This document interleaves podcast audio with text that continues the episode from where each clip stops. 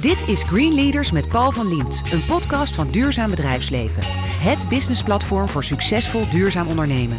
Wekelijks hoor je hier een Green Leader die de economie vernieuwt, verandert en verduurzaamt. Quinten Sellos richtte samen met Maarten Poot elektrisch deelscooterbedrijf Felix op. De donkergroene scooters rijden al in Amsterdam, Rotterdam, Den Haag en Brussel. Het doel is om te blijven groeien. Met hun elektrische deelscooters willen ze bijdragen aan schonere en beter bereikbare steden. Welkom Quinten. Dankjewel. Ja, het klinkt fantastisch hè, dat je het allemaal wil en vooral het idee is natuurlijk mooi. Je wil investeerders gek maken. Vanaf het begin is dat gelukt. Hoe komt dat denk je? Um, ik denk dat we met ons concept eigenlijk meerdere problemen uh, aanpakken. Uh, allereerst zien we dat we in grote steden heel veel last hebben van congestie. Uh, we zien dat we heel veel last hebben van luchtverontreiniging, zij het CO2-uitstoot, fijnstootemissies. we zien dat we eigenlijk steeds efficiënter om willen gaan met onze tijd. En middels het aanbieden van gedeelde elektrische scooters zijn we eigenlijk in staat om al deze punten te mitigeren. En ik denk dat daar ook echt de kracht van het concept ligt. Maar het gekke is, als je dit zegt, denk je, ja, dat, dat heeft iedereen al bedacht. Het is vaak met de beste ideeën ook. Hè? Dat je exact. achteraf zegt, hadden wij het maar bedacht. Maar is er echt een moment aan te wijzen dat je dacht, ja, dit is het, dit moeten we doen? Uh, ja, zeker. Ja, wij waren, um, dus wij, Maarten en ik, andere co-founder, in uh, 2015 waren wij beide nog actief als consultants. En in die periode gebruikten wij zelf al zowel privé als zakelijk best wel veel verschillende carsharing mogelijkheden, zowel in Nederland als in het buitenland, om onszelf te verplaatsen uh, naar bijvoorbeeld klanten of naar afspraken toe. En um, eind 2015 zaten we met elkaar in een uh, carshare um, uh, uh, provider in, in Amsterdam naar een afspraak toe. En um, wij stonden in een filetje voor een, voor een verkeerslicht. En wij werden links en rechts eigenlijk ingehaald door fietsers, maar ook door gewoon particuliere brandstofscooters. En daar begon eigenlijk bij ons het lampje te branden van... goh, waarom is er eigenlijk niet iets uh, soortgelijks als carsharing, maar dan met scooters. Omdat als je gewoon puur kijkt naar de, naar de voertuigen, dan zie je eigenlijk dat scooters super efficiënt zijn in grote steden.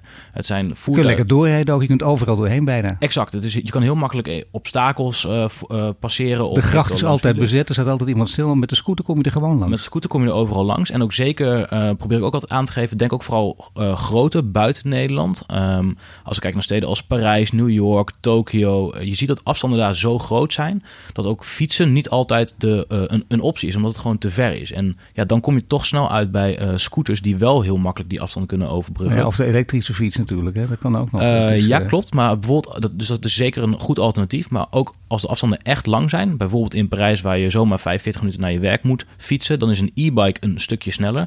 45 km per uur is dan nog weer sneller. En soms dan de preferred choice van de degene die. Uh, en ook soms fijner dan de overvolle metro bijvoorbeeld. Dus dan liggen daar mogelijkheden op succes. Maar daar gaan we het nog over hebben. Ja. Dat idee, misschien een beetje flauw, maar je zegt wij met z'n tweeën, Maarten en jij, is heel netjes. Maar toch één van de twee heeft toch het idee? Nou, we zaten echt met z'n tweeën in de auto en ook met z'n tweeën kwamen gelijktijdig. We gelijktijdig naar de afspraak toe. En toen werden we dus ingehaald. Toen zeiden we van ja, waarom is dit er eigenlijk nog niet? En ja, zo is het eigenlijk ontstaan. Dus ik zou echt uh, zeggen dat het onze, onze beide idee is. Ja. Kijk, jullie zijn een start-up en uh, ik vind het aardig als ik uh, oude interviews met je lees waarin je zegt, kijk, het gaat bij een start-up niet, het gaat ook om het idee, de kwaliteit van het idee, maar vooral om de kwaliteit van de uitvoering.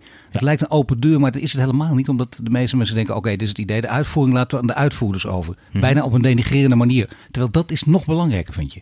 Ja, absoluut. Ja, dus ik, uh, ik geloof zelf heel erg dat een, uh, een idee om succesvol te zijn, moet natuurlijk in de basis gewoon goed zijn. Er moet een businessmodel aan vastzitten, er moet vraag zijn vanuit de markt. Maar ik geloof dat dat echt misschien uh, eh, 10% of minder van het succes is. Uiteindelijk gaat het om hoe voer je het concept uit. Dus hoe, um, zoals wij dat zeggen, execute je het. En ik denk dat je daar heel vaak uh, ziet dat het uh, toch niet goed gaat, waardoor uiteindelijk een eigenlijk goed idee niet slaagt. Maar kun je er een voorbeeld van geven? Want dit, dit is inderdaad, denk ik, een hele wijze les. Hè? Voor heel veel mensen met een geweldig goed idee, die denken, oké, okay, wij zijn de, de, de ideeënbedenkers, belangrijk dus, hè, zeg je daarbij, daarbij. En de uitvoerders, dat zijn de handjes. ja, dus, ik, dus als, ik, als, ik daar, als ik het moet concretiseren, ik denk dat um, bijvoorbeeld het, uh, het uitbaten van scooters, dus scooters aankopen, uh, technologieën inzetten en laten rondrijden. Ik, persoonlijk denk ik dat voor ons was dat natuurlijk ook een hele grote hurdle om het te doen. maar dat is in theorie niet zo heel ingewikkeld. Je moet gewoon geld hebben en dan kan je het aan elkaar knopen en dan heb je het rondrijden. Dus daar, zit, daar zit zeg maar niet het succes. Dat is niet de kracht van het model. De kracht zit hem heel erg in het feit of je um, zonder al te technisch te worden uh, in staat bent om heel efficiënt je operatie te laten draaien. Zodat je heel veel marges kunt draaien om het uiteindelijk ook levensvatbaar te maken. En En dat dus is het liefst dat hij zo weinig mogelijk stilstaat. Het liefst dat je zo weinig mogelijk stilstaat, dat de klant hem zoveel mogelijk kan gebruiken. Nou, er zitten allerlei uh, onderdelen uh, liggen er aan ten grondslag om dat te realiseren. Dan moet je denken aan het snel en uh, efficiënt kunnen verwisselen van batterijen. Dat ook moeten kunnen voorspellen bijvoorbeeld.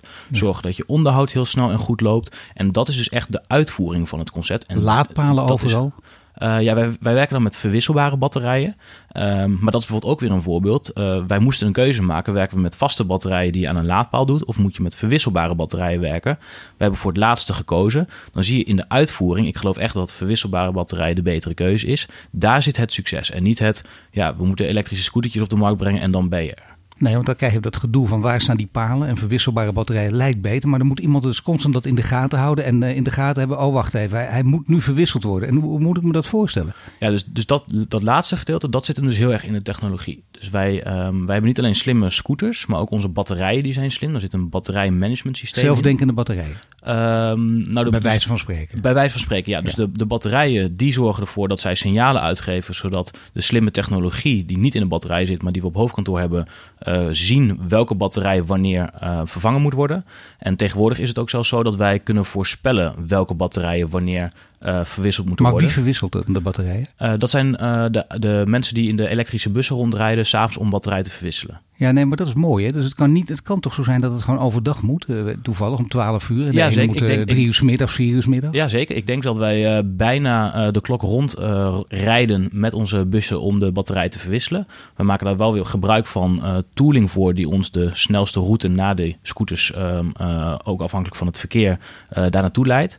en zo zie je dus ook dat er allerlei slimme toepassingen nodig zijn ja. om dit succesvol te maken. Ik moet zeggen, ik probeer gaten in je verhaal te slaan. Dat is alleen maar goed ook hè, om te kijken. Dat hoop ja, je misschien nee, zeker. Ja, dat zou nog kunnen, Ja. maar dit, dit is heel goed doordacht. Dat blijkt ook uit jouw hele verhalen. Heel goed doordacht. Of jullie verhaal natuurlijk. Ja. Goed doordacht concept. En, maar ja, creativiteit is ook heel belangrijk. Hè? Dat, dat hoort ook bij ondernemen. Daar vind je het leuk. Anders kun je net zo goed consultant blijven. Ja, absoluut. absoluut. Waar, waar zit hem dat creatieve element nog in van het ondernemen? Ehm, ja, ik denk dat je als ondernemer zijnde eigenlijk eh, moet, moet proberen om structuur aan te brengen in alle chaos. En eh, dat je zoveel mogelijk eh, van tevoren moet nadenken over hoe dingen zullen moeten zijn.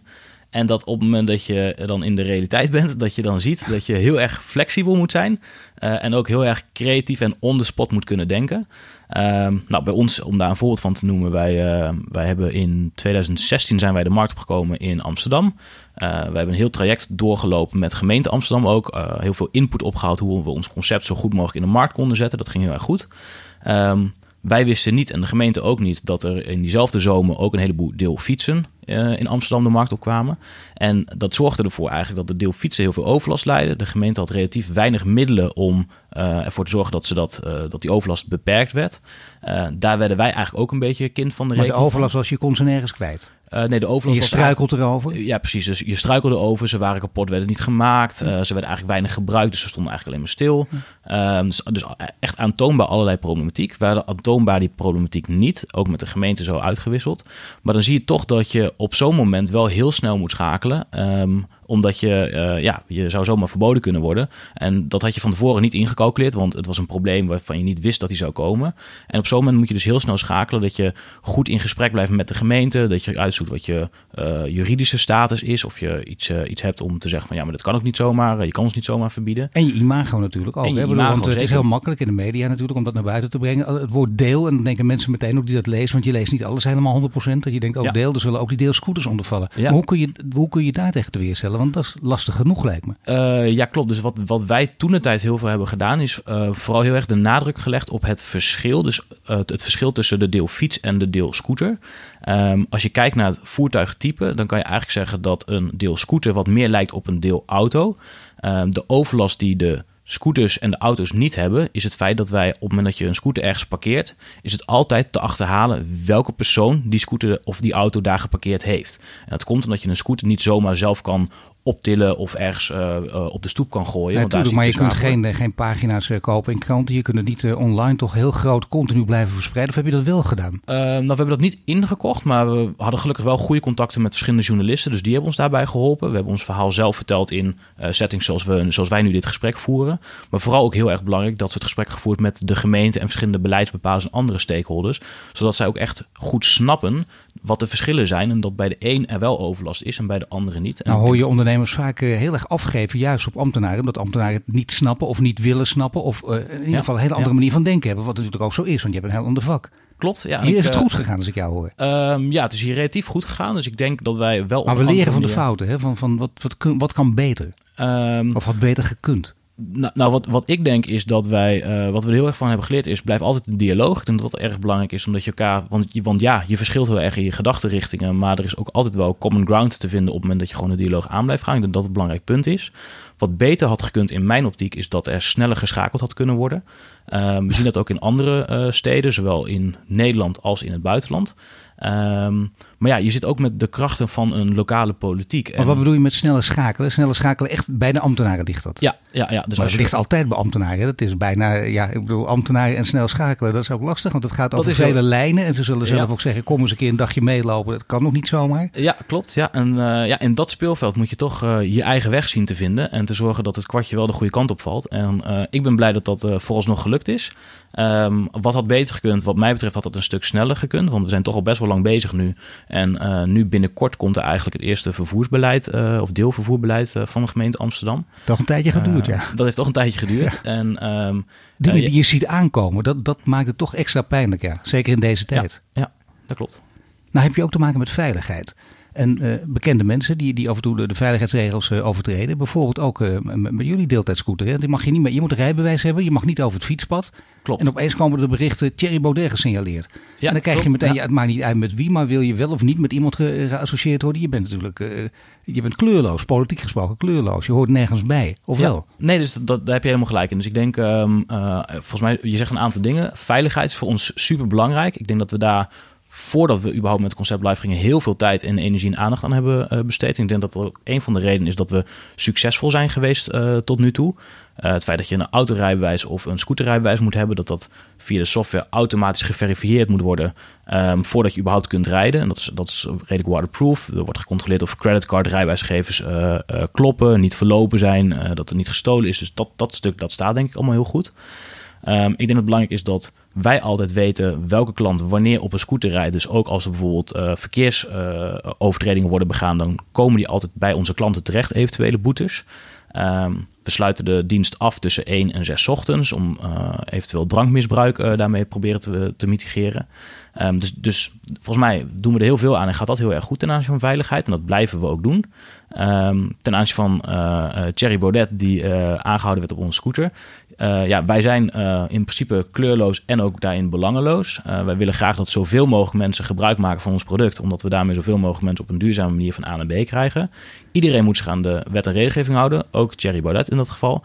En ehm, ja, dat is een beetje hoe we erin staan. Want jullie hebben ook het, het principe eh, three strikes off. Two strikes Ja. off zelfs ook af en toe. Dat betekent dus echt een, een hard beleid. Maar hoe, hoe werkt het in de praktijk dan? Eh, dat is eigenlijk heel simpel. Eh, voor ons is dus, omdat veiligheid zo belangrijk is en wij geen drankmisbruik willen op onze scooters, zeggen we eigenlijk dat op het moment dat je aangehouden wordt door een politie of iemand anders met drank op, dan eh, krijg je van eh, de eh, politie een, een boete. Van ons krijg je een boete en bij een tweede keer word je ook van de dienst verwijderd. En dan mag je dus ook niet meer, dan kun je ook niet meer op een Felix rijden. Correct, ja. Nou ja, dat is, dat, ik bedoel, is nogal een stap. Hè? Dat kan ook je model wel tegen, tegengaan. Dat mensen zeggen, nou, ze zijn wel heel erg streng. Ja, dat klopt. Maar dat is een keuze die je moet maken. En in dit geval vinden wij dus eigenlijk de veiligheid voorop. Ik denk ook op het moment dat dat niet langer het geval zou zijn, dat dat dan ook een heleboel klanten zou kunnen kosten.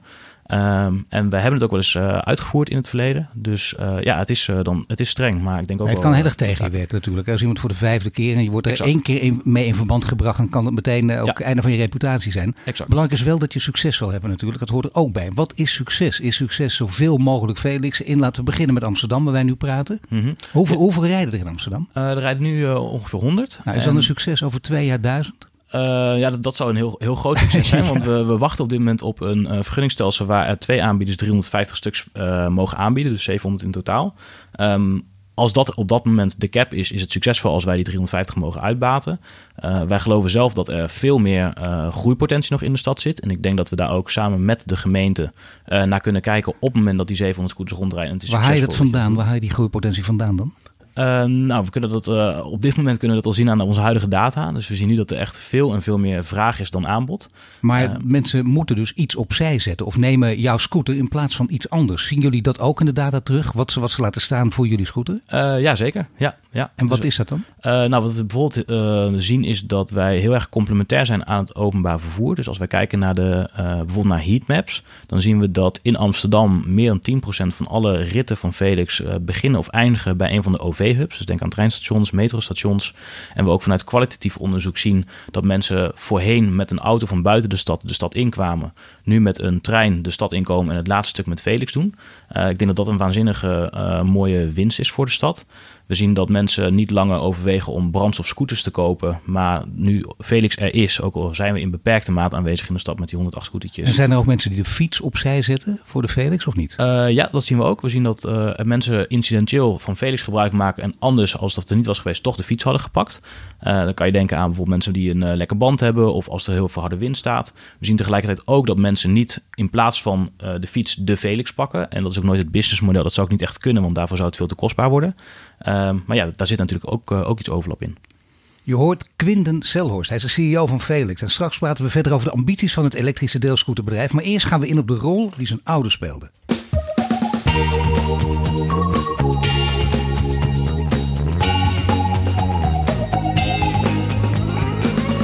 Bij de studio Quinten Selhorst. Net spraken we over de werkwijze van het elektrisch deelscooterbedrijf. En nu praten we verder over duurzaam leiderschap en ondernemerschap. Ja, je komt uit een ondernemersgezin, dat lees je in alle interviews. Daar praat je gelukkig open en vrij over. Uh, je ouders leven allebei nog? Ja, klopt. Wat voor werk doen of deden ze? Uh, mijn vader die heeft een groothandel in textiel in het oosten van het land. En mijn moeder uh, was actief als mondhygiëniste. En is daarna eigenlijk voor de kinderen gaan zorgen. En ja. helpt nu mijn vader een beetje mee op de zaak. Oké, nou ja, dus in zekere zin, omdat ze meehelpt. Dus beide ondernemers, maar jouw vader vooral de ondernemer. Ja. En dan heb je natuurlijk uh, verschillende tijden, verschillende generaties ook die op een andere manier naar ondernemerschap kijken. Ja, absoluut. Uh, is, is dat in jou, bij jou en je vader, kun je dat ook vergelijken? Of zijn het echt hele andere manieren van ondernemen? Uh, ja, het laatste. Het laatste. dus dat zijn echt ja, twee verschillende werelden, ook bijna twee verschillende tijden waarin we leven qua ondernemerschap. Um, ik denk dat we uh, ja, dat, dat ik nu in een, in een tijd leef waar uh, ik zelf heel erg ook geloof dat er heel veel toegang is tot uh, kapitaal, tot talent en ook mensen die hoger opgeleid zijn. tot de, de, technologie is daar om eigenlijk relatief snel al heel veel impact te kunnen maken. Dus als je, hebt ook de tijd, tijd veel meer mee als ondernemer nu? De tijd meer aan je zijde?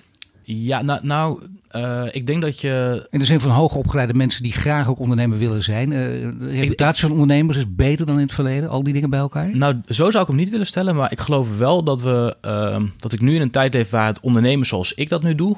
veel ge gebaseerd eigenlijk op technologie en disruptive ontwikkelingen proberen door te voeren.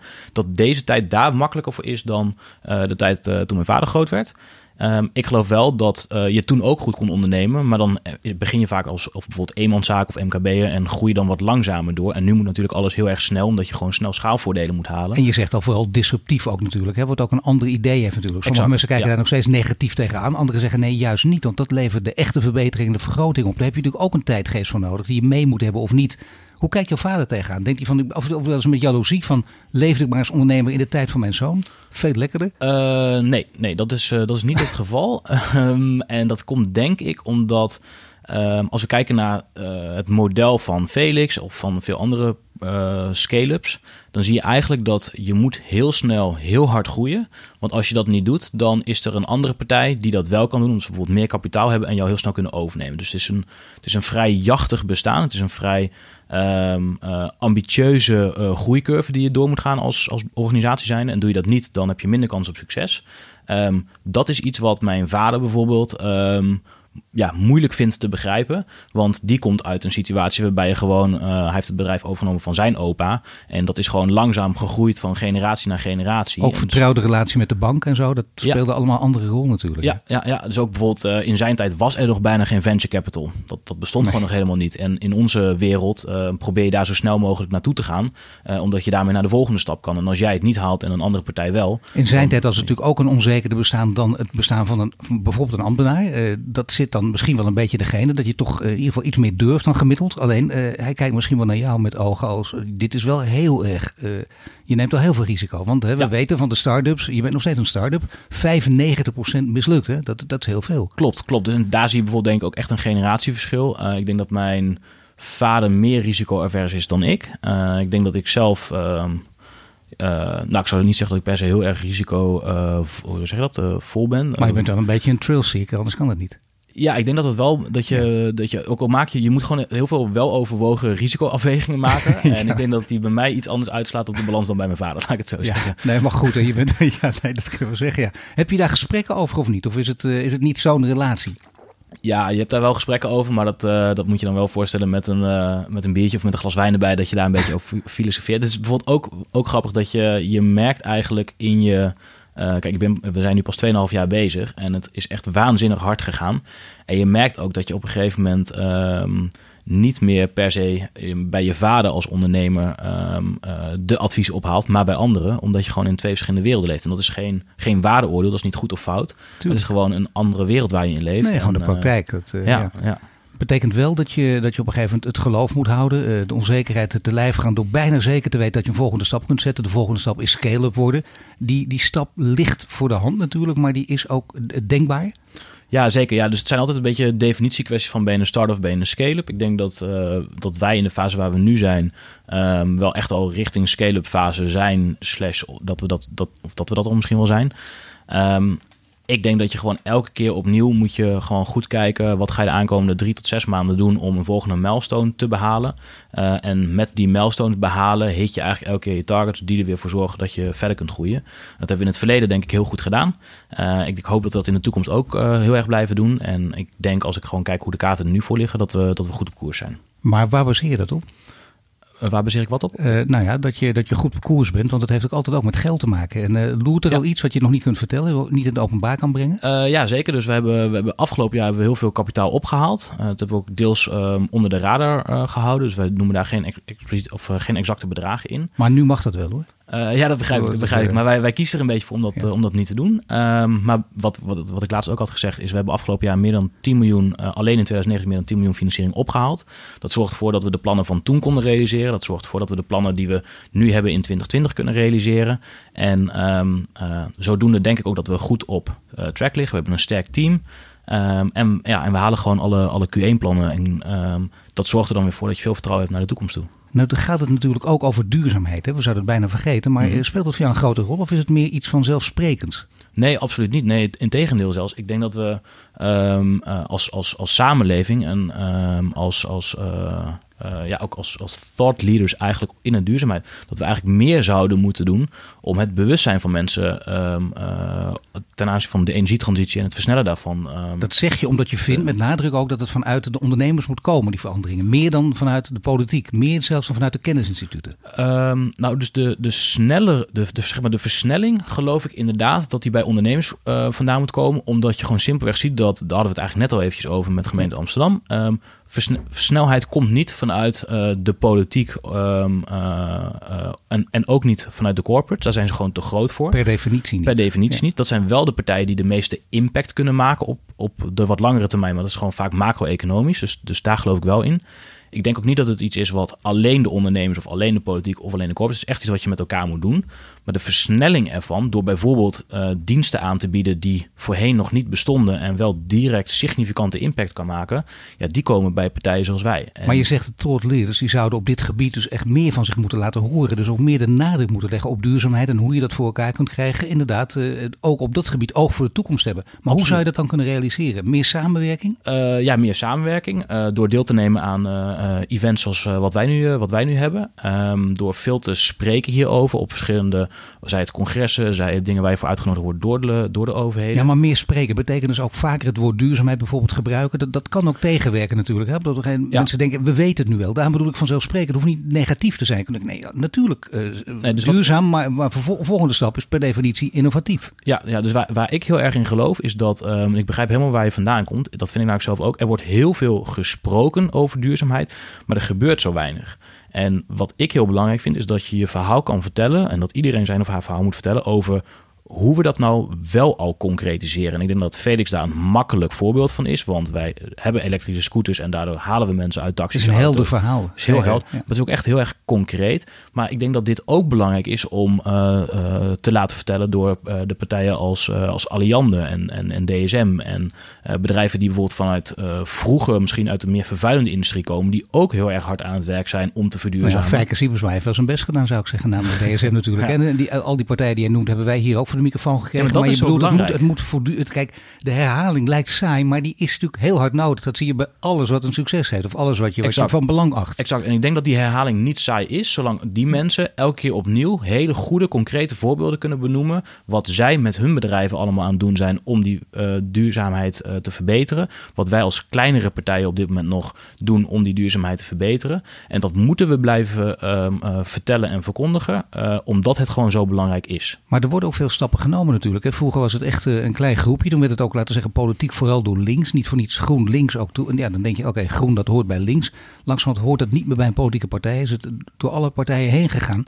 Niet door alle partijen, maar in zekere zin zullen alle partijen zelf zeggen: jawel, uiteindelijk vinden wij dat ook. Dat is al een stap vooruit. Volgende stap is natuurlijk dat je het echt omarmt en dat je direct naar de toekomst kijkt en dat je echt iets voor nieuwe generaties doet. En dat je dus ook met een nieuwe generatie te maken hebt. Ja. Laten we zeggen, de generatie. hoe oud ben jij? 32. Nou, de generatie van, uh, te, nou, misschien uh, laten we de millennials wat breder noemen, van 25 tot 45. Die generatie ja. moet echt het heft in handen nemen op dit gebied. Ja, dat denk ik ook. En ik denk dat um, wij hebben zelf wel eens uh, tijdens de lunch discussies over. Je hebt, je hebt in Nederland heb je GroenLinks. Er is nog niet een soort gelijkspel als echt groen rechts.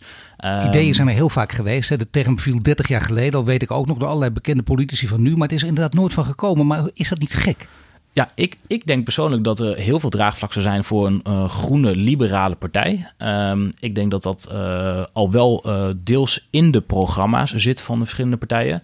Maar ja, wat mij betreft zou dat meer naar voren mogen. En ik denk ook echt dat daar heel veel draagvlak voor is. Precies binnen de doelgroep die jij net stelt. 25 tot misschien wel 45. Jij bent ondernemer, maar zit in je achterhoofd om dat misschien ooit eens te realiseren?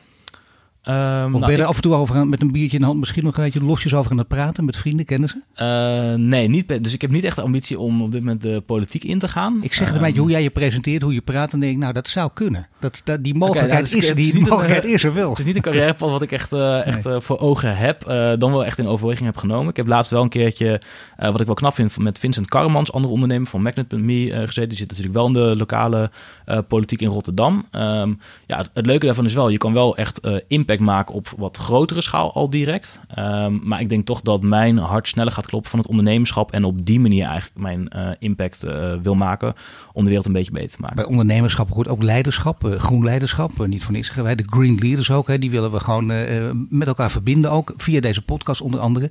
Maar dat betekent dus ook als je zegt een groen leider. Heb je daar ook een soort definitie voor? Groen leiderschap, hoe moet zich dat uiten? Ja, dat vind, ik, dat vind ik een hele lastige vraag, omdat ik ook geloof dat dat um, wel echt heel erg persoonlijk is. Uh, en ook, weet je, wat is dan precies leiderschap? Dus ik geloof heel erg dat uh, het begint allemaal gewoon bij jezelf. En je kan zelf iedereen, uh, ook iedereen die deze podcast beluistert, zelf keuzes maken, elke dag opnieuw. Um, uh, of je een duurzamere keuze maakt of niet. En dat... Nou, laat ik zeggen, een soort leidraad voor mij, Paul Polman, die daar ooit in het groot, echt in het groot, helemaal mee begonnen is bij Unilever natuurlijk, van alles op af te dingen. Maar uh, lees het boek van Jeroen Smit en je ziet steeds één zin terugkomen. Leiderschap, misschien wel groen leiderschap, is antwoord geven op de beslissende vragen van deze tijd. Ja, nou, ik denk dat dat een... Dat is een hele grote eigenlijk natuurlijk. Je kunt zeggen flauwekul, ik ben gewoon met mijn eigen bedrijf bezig. Maar als ik jou ook op praat, is, is dit voor jou ook een belangrijke kwestie? Ja, absoluut. En ik, maar ik geloof dus ook dat je, je kan dus, je moet het heel erg bij jezelf houden. En kan, dus iedereen kan het zelf doen. Dus is, het is niet een leiderschap van, het zijn vijf of tien of honderd mensen. Dat zijn de leiders en daar moet de rest achteraan. Het begint gewoon bij jezelf. En ik, maar ik geloof ook dat, dat, dat duurzame leiderschap, er wordt best wel snel een... Uh, in, in, in, in, uh, ook als ik op events ben, wordt er vaak een soort van padstelling gecreëerd van uh, jij bent heel goed met je uh, scootertjes en duurzaam en je doet niks fout. En dit grote staalverwerkingsbedrijf is de boze, de, de boosdoener, want die maakt staal dat is heel erg vervuilend. Daar geloof ik niet in. Ik geloof dat ook daar duurzame leiders zijn, omdat zij proberen iets vanuit de oude industrie om te turnen naar iets in de wat veel duurzamer is, zodat we daar ook in de toekomst profijt nou, Wat je nu zegt is bijna een nieuwe stap ook. Hè? Dat durven mensen in jouw positie bijna niet te zeggen. Want je kunt inderdaad heel zelfgenoegzaam achterover gaan liggen. Van, nou, wij worden door iedereen bewierookt, dat zijn we toch goed bezig. En, en we zetten ons daarmee lekker af tegen die grote viezerikken. Precies, Daar en- komt het op neer. Precies, en, ik, en dat is dus wat ik zelf vind. eh, ik vind dat een van de grootste problemen in die hele discussie met duurzaamheid. Er wordt best wel snel, ehm, je wordt best wel snel in een hokje gestopt. En eh, ik geloof heel erg dat wij juist ook dat soort partijen nodig hebben. Die grote van, van vroeger uit eh, vervuilende industrieën. Daar, moeten ook, daar, zitten, daar zitten ook, eh, moet ik zeggen, leiders die ook echt willen verduurzamen. Dus die ook net partijen, zo hard ook partijen als Shell. Niet per definitie uitsluiten en alleen maar eh, verketteren. Exact, exact. De mensen bij Shell die proberen sne- Shell sneller te verduurzamen dan, dan wat we nu doen. Eh, ook dat zijn voor mij de groene, de groene leiders. Hoe pakt leiderschap voor jou in de praktijk uit? Hoeveel mensen werken er bijvoorbeeld in jouw bedrijf Felix? Mm, ehm, poeh, ja, leiderschap. Dus ik denk dat... eh, dat is best een moeilijke vraag om over jezelf moet, je, eh, moet je te letterlijk leiding geven aan vijf mensen, aan tien mensen, twintig mensen? Nee, dus wij hebben nu, ehm, even kijken, we hebben volgens mij 70 mensen, 70 plus mensen in dienst. Eh, dus dat is best wel snel gegaan in twee jaar, tweeënhalf jaar. Nou, leiderschap is bijvoorbeeld op de huid zitten, eh, veel complimenten geven, of juist eh, heel streng eh, en, en strikt zijn, of alles bij elkaar. Ja, dat is, ja, dat is een beetje een flauw antwoord, maar het is inderdaad een beetje alles bij elkaar. Dus je, ehm, kijk, ik heb, ik heb een best wel zwaar managementteam uh, met veel ervaring. Dat is denk ik ook nodig. Die hoef je niet echt uh, over het algemeen op de huid te zitten en die moet je vooral hun werk heel maar erg daar goed heb je het al, hè? managers heb je nodig. Uh, er zijn mensen die zeggen, heb je- die heb je helemaal niet nodig. Zelfsturende teams zijn veel beter. Dat is de toekomst. Uh, ja, maar daar geloof ik ook weer, want wij werken met zelfsturende teams, maar die moeten wel. Kijk, uiteindelijk is het wel. Een, het is altijd een kwestie van communiceren en hoe zorg je dat alle informatie door alle gelederen van de organisatie gaan.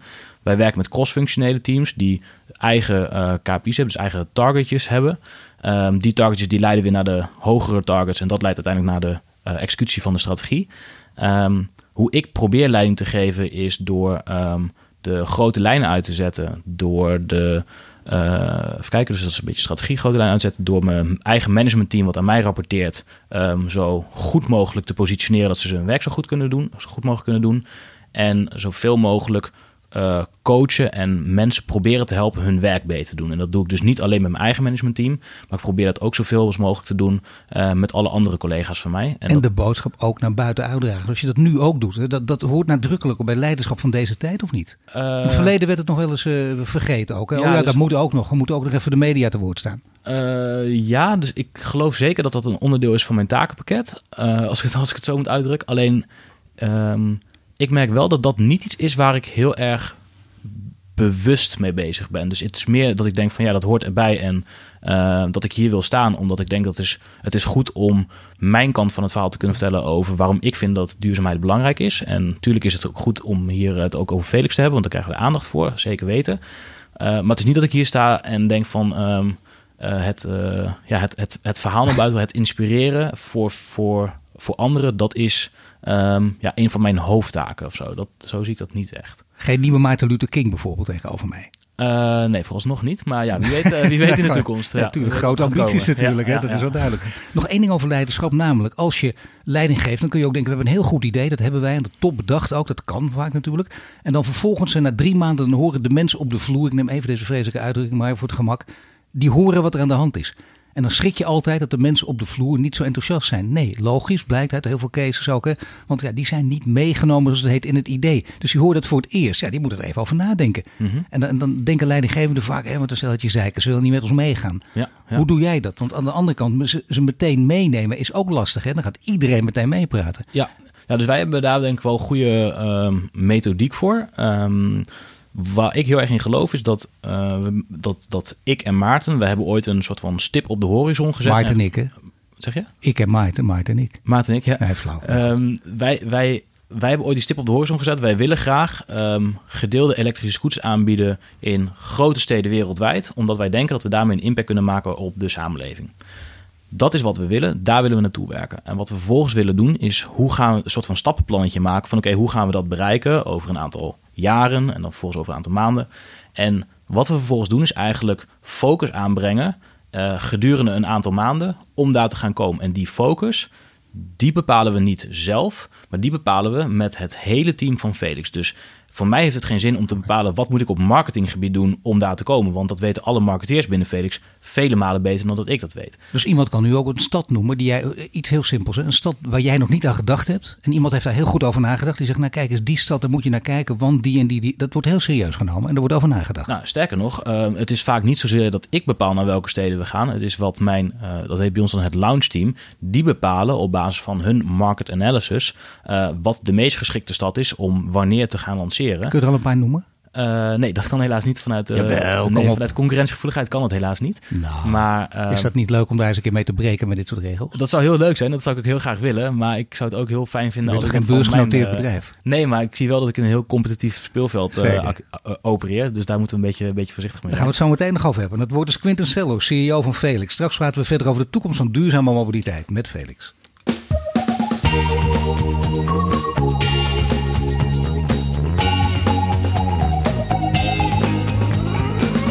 Bij mij in de studio staat Quinten Selhorst. Net spraken we over duurzaam leiderschap en nu praten we verder over de toekomst van zijn bedrijf. Welke rol kan Felix spelen in de transitie naar duurzame steden?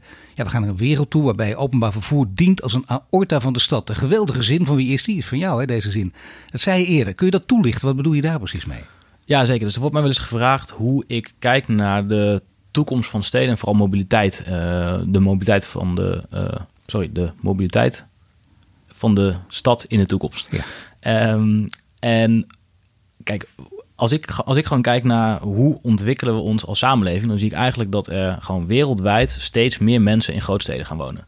En um, als je gaat nadenken over. Het is heel groot zelfs. Hè? Geloof, uh, dat gaat echt in percentages van 80% in 2050. Dat iedereen ja, in steden woont. Dat is extreem. Ja, ja. en inderdaad, weet je wel, uh, elk rapport heeft dan weer net iets andere percentage. Maar inderdaad, vanaf 2050 is het uh, zeker meer dan 50, 60 procent van de, van de wereldbevolking woont in die grote steden. Dus je ziet eigenlijk dat de druk op de openbare ruimte in die steden, die zal maar kleiner en kleiner en kleiner worden. Tot er ook een moment is dat het gewoon fysiek gezien niet meer mogelijk is dat iedereen die in een grote stad woont, jij, ik, haar of zijn eigen fiets, auto, brommen, uh, misschien drone, misschien wat er dan in tegen die tijd is, die ruimte is er gewoon simpelweg niet. Dus als we kijken naar hoe zien wij nou mobiliteit voor ons in de toekomst, dan denken we eigenlijk dat er alleen nog maar ruimte is voor mo voor modaliteiten die grote groepen mensen van A naar B kunnen vervoeren. Uh, dus echt massa's mensen. Nou, dan kom je bij het openbaar vervoer uit.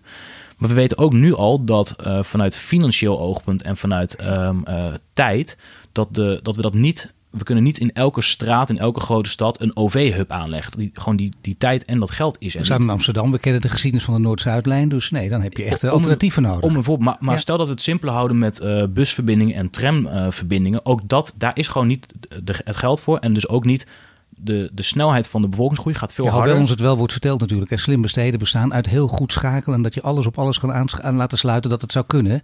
De ja, fiets maar, maar op de, de scooter, maar de op de tram. Het, het fysieke voertuig uh, en de fysieke OV-hubs op al die plekken uh, aanbieden... zodat je echt een fijnmazig systeem hebt, dat, dat is gewoon uitgesloten. Dat kan gewoon niet. Um, en dus geloof ik er heel erg in dat je OV-lijnen hebt die massa's mensen van A naar B vervoeren. Waarbij dat wordt aangevuld met verschillende vervoersmodaliteiten in de deeleconomie. Dat zijn elektrische autootjes, elektrische fietsen, elektrische scootertjes. En dat zijn eigenlijk een beetje dan de haarvaten van die stad. En dat groeimodel waar ik naar. Uh, een groeimodel voor jou dus ook. Want uh, kijk eens even naar China en India. Hoeveel mensen daar wonen, hoeveel mensen daar naar de stad trekken. Uh, ja, klopt. En, nee, maar is, dat, is dat serieus? Ik bedoel, als je toch steeds die, die vreselijke stip op de horizon, ik wou het woord vermijden, maar het kan even niet anders, heb je natuurlijk wel nodig ook daar. China en India om daar aan te denken. Nou, of is, is dat, staat het, want je mag geen, geen steden noemen, maar bedoel, dit in algemene ja, zin kun je ja. toch wel vertellen. Nou, dus ik, ik denk zeker dat uh, China en India waanzinnige uh, groeimarkten zijn. Um, ik denk dat het ook, uh, nou, bijvoorbeeld Bounce, een conculega, zoals het dan zo mooi heet van ons, die, dat is op dit moment de grootste scooter share provider, zijn ook nog niet zo lang geleden begonnen ja, die zetten 20.000 scooters in de stad neer. Um, City Scooters ook een grote in, uh, in, in, Frankrijk? Ja, City Scooters zit in Parijs. Zit ook een aantal duizenden scooters in Parijs rondrijden en nog een paar andere steden. En, en ik, je ziet dus ook wel dat deelmobiliteit aan een enorme opmars bezig is. Uh, en wat wel interessant is aan India en China, daar is het OV-netwerk natuurlijk nog een stuk minder ontwikkeld. Uh, ja, daar zie je dat, dat, dat de deelmobiliteit echt een waanzinnige vlucht heeft genomen met de fietsjes, de scooters, de autootjes. Uh, misschien zelfs nog wel meer dan in, in Europa. Maar de deelauto's bijvoorbeeld, die merken dat ook. Hè? Die kunnen elkaar kapot gaan concurreren. In een kapitalistisch systeem waarin je hoopt dat de concurrentie tot betere resultaten leidt, is dat heel mooi. Samenwerking kan ook mooi zijn. geldt het voor jullie misschien ook? Want al die conculega's die je noemt, waar je toch heel vaak je mond voor moet houden, want je wil ze niet wijzer maken dan ze zijn betekent dat je niet uiteindelijk beter met ze kunt gaan samenwerken? Nou, dat ik wil zeggen fuseren, overname? nou, ik, ik, denk als we nu kijken, als we het even alleen bij Nederland houden, dan zie je eigenlijk al dat, je, ehm, dat er een consolidatie in de markt plaatsvindt, doordat overheden gaan werken met vergunningen. Dus bijvoorbeeld in het Rotterdam paar weken geleden hebben we daar de vergunning voor gekregen. Er zijn nog drie andere partijen in die markt waar ook uh, vergunningen aan. Maar mag je toch even onderbreken? Wat, wat is het verschil dan tussen de ene eh, deelscooter en de andere? Uh, nou, die zit weer op verschillende assen. Uh, je heb, kan bijvoorbeeld denken aan ander type uh, hardware, dus product, dus ander type scooter. De een vindt de ene scooter prettig rijden, de ander vindt de andere scooter prettig rijden. Dat kan hem zitten in pricing, dat kan hem zitten in dat de een... Um, Verwisselbare batterijen of laadbatterijen, of laadpaalbatterijen, dat scheelt ook natuurlijk. dat scheelt wel, maar volgens nog werkt iedereen volgens mij met verwisselbare batterijen. Design dus, doet dat er ook toe?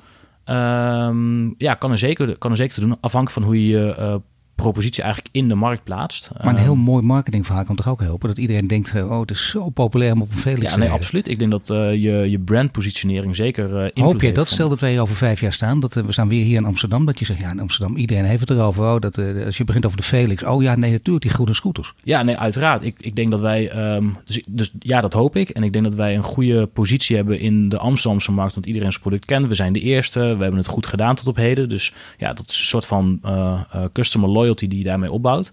Uh, ik geloof ook echt dat er ruimte is voor andere partijen in de markt. En iedereen zou ook zijn of haar eigen niche vinden. Dus de een gaat misschien meer richting, richting de B2B kant. De ander gaat meer op de B2C zitten. Sommigen gaan van hele lange afstanden. Anderen juist voor hele korte afstanden. Um, en, en maar wat is vooral de doelgroep? Heeft, is de doelgroep gebonden aan, aan leeftijd bijvoorbeeld? Aan, aan eh, sociale klassen? Nou, dus ik denk dat wat daar weer heel belangrijk bij is... is dat we, we zijn echt net begonnen met deelscooters. Dus uh, weet je wel, twee jaar geleden bestond nog helemaal niet. We zijn nu net onderweg en... Uh, we zien eigenlijk dat het ook een dat, dat het een nieuwe ontwikkeling is die heel erg in beweging is. Wij zijn begonnen om echt de early adopters um, uh, te proberen uh, op onze scooters te laten rijden. Dat is heel erg goed gelukt. Dus dat is een beetje de doelgroep, laten we zeggen 20 tot 35. We zien eigenlijk over de tijd heen dat die doelgroep aan het veranderen is. We zien dat er steeds meer ook oudere mensen gebruik maken van onze dienst. We zien dat het relatief kleine servicegebied, zeker in Rotterdam, waar we heel erg zijn kunnen, daar hebben we al heel erg kunnen uitbreiden. Dat servicegebied wordt veel groter. Dus je gaat ineens mensen krijgen die veel langere afstanden gaan rijden, omdat ze bijvoorbeeld aan, aan, uh, aan grenzende dorpen wonen. Dus Spijkenisse bijvoorbeeld. Om een voorbeeld te noemen. Amsterdam ga je naar Diemen opkouden. Ja, exact. En, en, en dus zie je ook dat dus je doelgroep heel erg gaat veranderen. Dat de purpose waarom mensen op jouw scooter gaan rijden ook gaat veranderen. We hebben in het begin hebben heel veel mensen gehad die vanuit het centrum bijvoorbeeld naar de Zuidas gingen, omdat ze dan verschillende afspraken daarna over de dag uh, hadden. Dat deden ze dan met de scooter in plaats van met de auto. Ja, dat is een andere doelgroep die je bedient en dus ook met een andere propositie moet bedienen dan bijvoorbeeld mensen die in een randgemeente wonen en juist hele lange afstanden willen rijden. Uh, marketingtechnisch uh, genoeg te doen eigenlijk nog. Hè? Deze afdeling even optuigen om te zorgen dat je daar heel veel verschillende verhalen ook voor hebt. Zeker, zeker. En dat is, dat is denk ik ook waanzinnig interessant. Je gaat niemand uitsluiten. Die denkt niet, oh daar hoor ik niet bij. Nee, nee. En ik denk dat, dat dat is ook heel erg. Dus ik denk dat dat een van de voorbeelden is wat het zo leuk maakt om bij een scale-up te werken. Dat je, je bent echt op de soort van frontier van knowledge bezig. We weten niet precies waar de markt zich naartoe gaat ontwikkelen. We hebben daar wel ideeën over. Je bent eigenlijk elke keer aan het experimenteren. Uh, wij denken dit, we toetsen het. Werkt het, dan maak je het groot. Werkt het niet, dan kill je het weer, zoals het heet. Je ziet met mensen die goede ideeën hebben, die kijken ook naar buiten. Dat willen jullie ook, want je wil ook in andere steden komen. De steden die, daar heb je net reden voor gegeven om je die niet wil noemen. Maar er zijn genoeg steden waar je dan naar kijkt, waar ze het nog beter doen of waar je van kunt leren? Zijn er steden waarvan je denkt, nou dat is echt een model voor ons?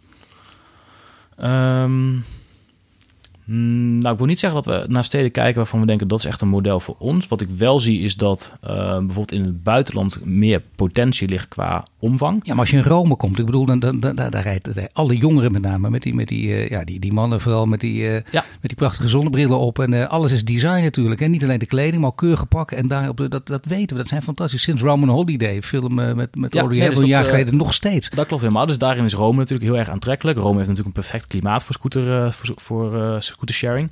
Maar wij uh, toch ook, ik bedoel, we fietsen toch ook door weer en wind, dus dat maakt ons niet uit in Amsterdam en Rotterdam. Nee, klopt. Maar je, je ziet wel, kijk, we zijn natuurlijk wel uh, een seasonality business. Dus het is natuurlijk gewoon uh, nu minder prettig rijden dan dat je dat in augustus doet met een lekker weertje. Um, maar om, om terug te komen op Rome, het is wel zo dat Rome heeft een aantal variabelen die zijn heel erg gunstig voor scootersharing. Rome heeft wel een inkomensniveau wat aanzienlijk lager ligt, dus dat is dan weer ten nadele ervan. Er is veel en veel meer vandalisme. Um, daar, worden ook, daar verdwijnen ook echt, echt veel scooters uit een vloot. Ja. Uh, weten we uit, uh, uit, uh, vanuit de markt. Dus dat kent dan ook alweer zijn eigen uitdaging. En ook dat is weer heel erg leuk in het ondernemersverhaal. Um, het is gewoon um, ja, pionieren. En uh, soms, wij noemen het ook wel, soms is het ook gewoon een beetje cowboyen. En gewoon ja, proberen met hele slimme oplossingen kun je je een cowboy-element even prijsgeven? Dingen waarvan je denkt, nou, dat is misschien uh, over de grens of tegen de grens. Ik bedoel, nu we toch een tijdje aan het praten zijn. Um, even kijken, een cowboy verhaal. Ja, dus daar moet je altijd over nadenken. Ja, dus ik Gooi het er maar uit gewoon. Ja, ja, ik weet nog wel dat wij... Um, ja, ik weet niet of dat nou echt een cowboy verhaal is. Maar ik weet nog wel dat wij toen wij in uh, uh, Amsterdam begonnen in 2017, zomer 2017. Dat wij, uh, nou echt, toen waren we een team van vier, vijf mensen. zagen wij, we waren net begonnen twee weken. En toen zagen wij op een gegeven moment zagen wij een stipje op de kaart in Amsterdam. wat denk ik een misschien half uur buiten ons servicegebied was. En toen kwamen wij aan in die buurt. En toen zagen wij daar hele grote flats. En uh, onze scooter zat ergens in die flat. Maar ja, daar wonen, ik weet niet hoeveel mensen er in zo'n flat wonen, maar dat waren heel veel. En daaronder zitten dan al die garageboxen. Uh, dus dan ja, kom je daar toch met uh, drie van de jonge, van de jonge jongens uh, aan om die scooter op te halen. En dat lukte dan niet. Dus toen zijn we naar de politie gegaan. Toen kwamen we met volgens mij twee politiebusjes, gingen we daar rondkijken. En dan dat is dus best wel spannend, want je ziet ook allemaal mensen kijken van wat gebeurt hier allemaal. En toen een dag later stond hij daar wel weer buiten op straat en belde de, de zeg maar, hoe zeg je dat, de uh, de, degene die over die flat gaat, die belt dus op... hey, er staat hier een scooter voor jullie, volgens mij kan die komen ophalen. Dus dat zijn wel een beetje van die verhalen dat je denkt van... oh ja, dat, ja, dat, dat calculeer je niet echt in van tevoren. Nee, uh, maar het is wel heel leuk om dat dan een keertje mee te maken. Zeker als je dan ook gewoon in goede staat terugkrijgt. Als het gaat over geopolitiek heb je misschien ook nog wel een probleempje. Want kijk, dat zie je bijvoorbeeld bij ASML ook. Een geweldig idee. En opeens raak je, uh, ja, word je onderdeel van een handelsoorlog tussen China en Amerika. Stel dat jullie, ik noem maar wat, een heel goed aanbod krijgen. En misschien ook met vergunningen overladen worden. En met complimenten en alles wat je wil door Moskou. Mhm. En uh, ja, dan komt opeens de regering om de hoek kijken en politiek. En die zeggen, nou wacht even, zou je dat wel doen? Want uh, dat is toch een Nederlands en allemaal gedoe. Op dit moment maar even niet. Uh, speelt dat ook bij jullie of niet? Of, of, kijk je niet naar geopolitiek? Zijn alle steden je even lief? Um, dus Saudi-Arabië bijvoorbeeld? Ja, het uitgangspunt voor ons is dat wij, um, wij willen impact maken met onze scooters op de duurzaamheid. En uh, in principe is dat zeg maar politiek onafhankelijk, right? Dat is gewoon, we willen graag dat ze waar dan ook de wereld, uh, dat we dat realiseren. Ik denk dat op het moment dat wij uh, in een theoretisch geval nu met 10.000 scooters naar Moskou zouden gaan en wij kunnen daar onze dienst aanbieden binnen de regels van, um, uh, weet je wel, wat, wat, is toegestaan binnen de wet en regelgeving. Um, ja, dan zou dat zeker een uh, markt zijn waar wij ook naar zullen kijken. Um, of dat op dit moment heel erg aannemelijk is, dat is dan weer een tweede. Een hele belangrijke strijd wordt de strijd om vergunningen. Daar gaat het over. Vergunningen worden je gegund. En in sommige landen krijg je vergunningen als je uh, heel handig weet hoe de corruptiesystemen werken. Ga je daar ook, want dat zijn natuurlijk, want als je zegt binnen de regelgeving, ja, de regelgeving in Rusland is heel anders. Ja. Een beetje corrupt en dan doe ik gewoon mee. Uh, ja, dat is een interessante vraag. Um, laat ik het zo zeggen, de, steden, de waar wij op dit moment uh, vergunningen voor hebben, uh, daar hebben we het allemaal gewoon via de keurige route kunnen doen. En ik denk dat dat ook de route is die we willen blijven bewandelen. Wat je wel ziet is dat je dus um, je hebt echt lokale kennis en expertise nodig. Dus het is niet zo dat op het moment dat, als we, Moskou als voorbeeld nemen, dat wij naar Moskou vliegen, daar proberen te regelen samen en dan weer teruggaan en dat je dan succes hebt. Ja, dat moet gewoon echt met lokale spelers die daar de markt kennen. En voor ons zou dat dan denk ik ook de, de route zijn die we dan zouden gaan bewandelen. Hoe werkt het hier in Nederland, in Amsterdam, in, uh, in laten we zeggen, nou, Rotterdam, de, de, twee grootste voor jullie nu? Ja, dus, dus ik denk dat we daar heel erg het voorbeeld, sorry, het voordeel hebben gehad dat wij toen wij begonnen waren we, kijk, dan ben je zo klein, heb je zo weinig kapitaal dat je gewoon alles zelf moet doen. Dat zorgt er ook voor dat we um, vroegtijdig echt een hele goede band hebben kunnen opbouwen met uh, Rotterdam, Den Haag en Amsterdam. Daar plukken we nu ook nog de vruchten van. Dus daar hebben we korte lijntjes toe. Ze kennen ons, wij kennen hen. Um, dus daar kan je gewoon je eigen verhaal vertellen en kunnen zij ook vragen stellen. We hebben ook bijgedragen bijvoorbeeld aan een marktconsultatie waar nu weer deelmobiliteit op uh, geënt is. Dus dat gaat, dat gaat heel erg makkelijk. Uh, wat je moet realiseren is dat is dus totaal niet schaalbaar. Dus we zien dat voor de andere steden waar we naartoe gaan, in het uh, buitenland met name. Ook Brussel. Hè? In Brussel is het uh, gek genoeg, uh, begrijp ook nog sneller gegaan. Hè? Ook met de ambtenaren daar. ja, klopt. Dus daar maken we dan wel gebruik van diensten van derden, die echt goed in die markt bekend zijn. Maar hoe kan het dat het daar sneller gaat? Nou, dat is wel weer, dus dat is eigenlijk weer een ander verhaal. je ziet eigenlijk dat, dat nou, eigenlijk bijna alle steden buiten Nederland um, veel ontvankelijker zijn om uh, uh, alles wat duurzaam is op het gebied van mobiliteit te omarmen. Dat is toch gek? Dat, dat is ook een verhaal dat, dat wat we uh, naar buiten mogen schreeuwen. Dat denken we niet, hè? We ja, kloppen ons altijd op de borst in Nederland, maar dat is dus niet zo. Nee, dus, dus echt, maar goed, dat is gewoon letterlijk, maar dan, dan, ik, ik schop dan niet tegen schenen aan, denk ik. Het is gewoon aantoonbaar dat we in Nederland heel erg achterlopen daarop. de reden daarvoor is wel deels dat we in Nederland over het algemeen hele kleine, compacte stadskernen hebben, waardoor er dus gelukkig heel veel gefietst kan worden. Mensen moeten vooral blijven fietsen. Ehm, als je bijvoorbeeld naar een stad als Brussel kijkt, dat is al een veel wijdser opgezette stad. Ja, daar is fietsen gewoon, uh, op dit moment gebeurt het niet. Er zijn ook helemaal geen fietspaden. Mensen zitten daar meer in auto's, dus is het een heel aantrekkelijk vervoersoptie om mensen op gedeelde elektrische scooters van A naar B te laten gaan voor de gemeente. Dus er is meer goodwill. Dat gezegd hebbende, um, ik denk wel dat we in Nederland te veel uh, risico avers zijn. Dat we zo bang zijn dat er dingen niet lukken. Dat het echt innovatie in de weg staat. En dat je uh, veel pragmatischer in een beschermde omgeving wel ook nieuwe ontwikkelingen kan toetsen. We hebben hier nog iets te veel van de generatie van jouw vader. Ja, ja, zo zou je het een beetje kunnen zeggen. Ja. Ja, Maar je kan natuurlijk gewoon afgebakende experimenten laten draaien voor een bepaalde tijd. En bij succes mag je opschalen. Als het geen succes is, dan kan je gewoon tegen een partij zeggen: dan moet je gewoon binnen twee weken van de straat af. En heb je het wel geprobeerd, heb je geen afbreukrisico. Want als het niet lukt, dan mag je ze meteen weghalen. En die cultuur die leeft niet in Nederland en wel in andere landen. Je bent een echt rolmodel natuurlijk. Dat betekent dat je misschien wel een enorme fietser bent, maar dat je nu ja, verplicht altijd op die, op die Felix moet zitten. Nee, nee, dat valt gelukkig nee, mee. Dus ik ben uh, nu hier wel op de Felix, omdat ik straks nog twee andere afspraken heb. Maar als ik gewoon zelf naar kantoor fiets, we hebben kantoor in, uh, achter het Olympisch Stadion in Amsterdam. Uh, dat fiets ik gewoon normaal gesproken. Uh, dus het is echt ook, ja, zoals, zoals ook mensen onze product gebruiken, gewoon situatieafhankelijk welk vervoersmiddel ik kies. Als het heel hard regent, dan ga ik met of met OV of met een autootje. Ik dank je voor dit verhaal. Dankjewel, Clinton. Quinten Selhorst van Felix. Je luistert naar een podcast van Duurzaam Bedrijfsleven. Mede mogelijk gemaakt door onze partners Ebbingen en Hill en Nolten. Volgende week zijn we terug met een nieuwe Green Leader. Dit was de Green Leaders podcast voor deze week. Volg onze website voor meer nieuws over succesvol duurzaam ondernemen. Wil je meer afleveringen luisteren? Abonneer je dan nu via iTunes of Spotify en krijg een melding wanneer er een nieuwe podcast online staat.